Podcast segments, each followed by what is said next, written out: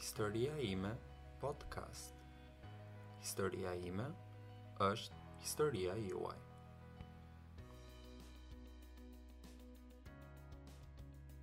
Komuniteti transgjinor në Shqipëri historikisht është përballur dhe vijon të përballet me sfida të shumëfishta, kur flasim për pranimin shoqëror dhe respektimin e të drejtës për të jetuar të lirë në shoqëri. Si një komunitet i cili prej vitesh është i lënë jashtë vëmendjes së institucioneve dhe shoqërisë, pandemia e COVID-19 i gjeti djemtë dhe vajzat transgjinore në Shqipëri në rrezik të mbulimit të nevojave bazike si ushqimi, strehimi apo punësimi. Fakt është që komuniteti transgjinor e ka shumë të vështirë punësimin në tregun e punës. Për shkak se janë thuajse zero vendet e punës ku këta individë mund të punësohen pa pasur nevojë të fshehin identitetin e tyre gjinor. Vajzat transgjinore, në mungesë të një perspektive punësimi, detyrohen shpeshherë të ushtrojnë punën e seksit si të vetme formë sigurimi të ardhurash dhe jetese. COVID-19 dhe rregullat e vendosura për uljen e numrit të infektimeve u shoqëruan me orë policore dhe rregulla të vështira karantinimi, të cilat e përkeqësuan edhe më tej gjendjen e qindra vajzave transgjinore në gjithë vendin, të cilat punën e seksit e kanë të vetmen formë mbijetese. Aleanca LGBT dhe Streha kanë ofruar ndihmë ushqimore direkte që prej fillimit të pandemisë për të gjithë individët e komunitetit LGBTI+, që kanë pasur të vështirë përballimin e pandemisë në mungesë të një pune të qëndrueshme. Sipas të dhënave të mbledhura nga Aleanca LGBT, përgjatë vitit 2020 shihet një rritje e rasteve të dhunës dhe diskriminimit kundër personave LGBTI në vend. Gjatë anketës së përvitshme mbi rastet e dhunës dhe diskriminimit, pothuajse të gjithë personat LGBT që janë përgjigjur kësaj ankete gjatë vitit 2020 kanë raportuar se janë ndeshur me ofendime, tallje, poshtërim për shkak të orientimit të tyre seksual, identitetit gjinor apo karakteristikave të seksit. Shtatëdhjetë e dy pikë dy për qind e personave të anketuar raportojnë se kanë qenë viktima të dhunës së rëndë fizike, që arrin deri në sulme me armë apo sende të forta. Komuniteti transgjinor është shpeshherë më vulnerabël ndaj dhunës në shoqëri, për shkak të identifikimit të këtyre personave përmes pamjes së tyre apo sjelljes.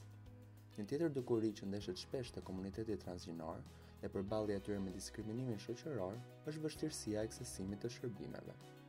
Personat transgjinorë e kanë më të vështirë aksesin në shërbime shëndetësore. Shqipëria nuk njeh ligjërisht të drejtën e personave transgjinorë për t'iu nënshtruar terapisë hormonale apo procedurave ndërhyrëse të ndryshimit të gjinisë. Shqipëria, gjithashtu, nuk ka as kapacitetet e duhura mjekësore për të ofruar të tilla shërbime për individët transgjinorë. Por, përpos shërbimeve që duhet të ofrohen nga strukturat publike, një problem tjetër është dhe refuzimi i ofrimit të shërbimeve nga biznese apo kompani private në vend. Së fundmi, ka qenë kompania Green Taxi, ajo e cila ka refuzuar ofrimin e shërbimit të taksisë për vajza transgjinore, vetëm për shkak të identitetit të tyre gjinor, i cili nuk mund të pranohet nga punonjësit e kësaj kompanie. Në incidentin e ndodhur së fundmi në Tiranë, shoferët e taksive të kësaj kompanie, si dhe punonjësit e centralit telefonik, refuzojnë hapur dhënien e shërbimit për një vajzë transgjinore në Tiranë. Çuna që unë e le në dorë të lirë apo jo, problemi është që ai nuk dëshiron ta marrë. Tani unë nuk mund ta detyroj me forcë, më kupton, nëse detyrohet E çdo shofer kuptoj, që të ë, marrë një dëgjo, mësues. një sekondë, ti je një kompani, ok, ti je një kompani, ndërsa shoferi është një individ. Tani të lutem më sqaro pak. Po, në qoftë se do të ishte vetëm një individ që nuk do të ma pranonte, normalisht do kisha nisur një makinë tjetër. Por kur është një kompani që nuk ma merr, unë nuk se si ta bëj. Do të ishte një individ, domethënë të ishte vetëm një shofer që më bën refuzimin e porosisë, kisha dërguar një shofer tjetër. Ndërkohë që asnjë nga shoferat nuk e merr. Dhe cila është arsyeja? Lutem, a mund të ma thuash cila është arsyeja që nuk e merr asnjë shofer?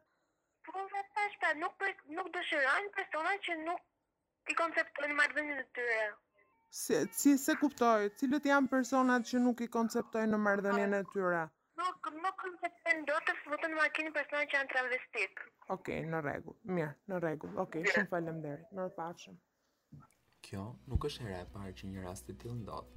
Kjo është një dëshmi e realitetit të vështirë me të cilin djem dhe vajza transgjinore në Shqipëri duhet të përballen çdo ditë. Rastet e dhunës, njëkohësisht dhe rastet flagrante të diskriminimit, shpeshherë mbeten të paraportuara në vend, për shkak të besimit të ulët që personat LGBTI+ në përgjithësi kanë te institucionet.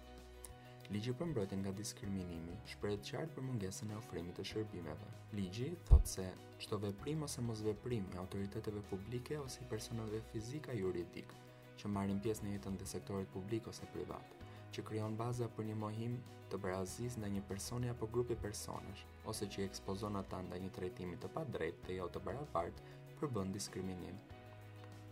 Ndërsa u takon strukturave të posaçme si komisioneri për mbrojtjen nga diskriminimi për të shqyrtuar rastin në fjalë, të gjithë ne si shoqëri, në të tilla situata të vështira, duhet të jemi më të ndjeshëm ndaj të tilla fenomene si diskriminimi i drejtpërdrejtë, trajtimi i pabarabartë i individëve për shkak të identitetit gjinor e orientimit seksual, apo dhe pabarazia shoqërore, të cilës së fundmi janë mbivendosur dhe vështirësitë e mëdha ekonomike me të cilat grupet vulnerabël duhet të përballen. Personat transgjinorë në shoqëri janë qytetarë që gëzojnë të drejta të barabarta, si të gjithë individët e tjerë të saj, dhe bindjet personale të individëve nuk duhet të mbivendosen asnjëherë mbi këto të drejta.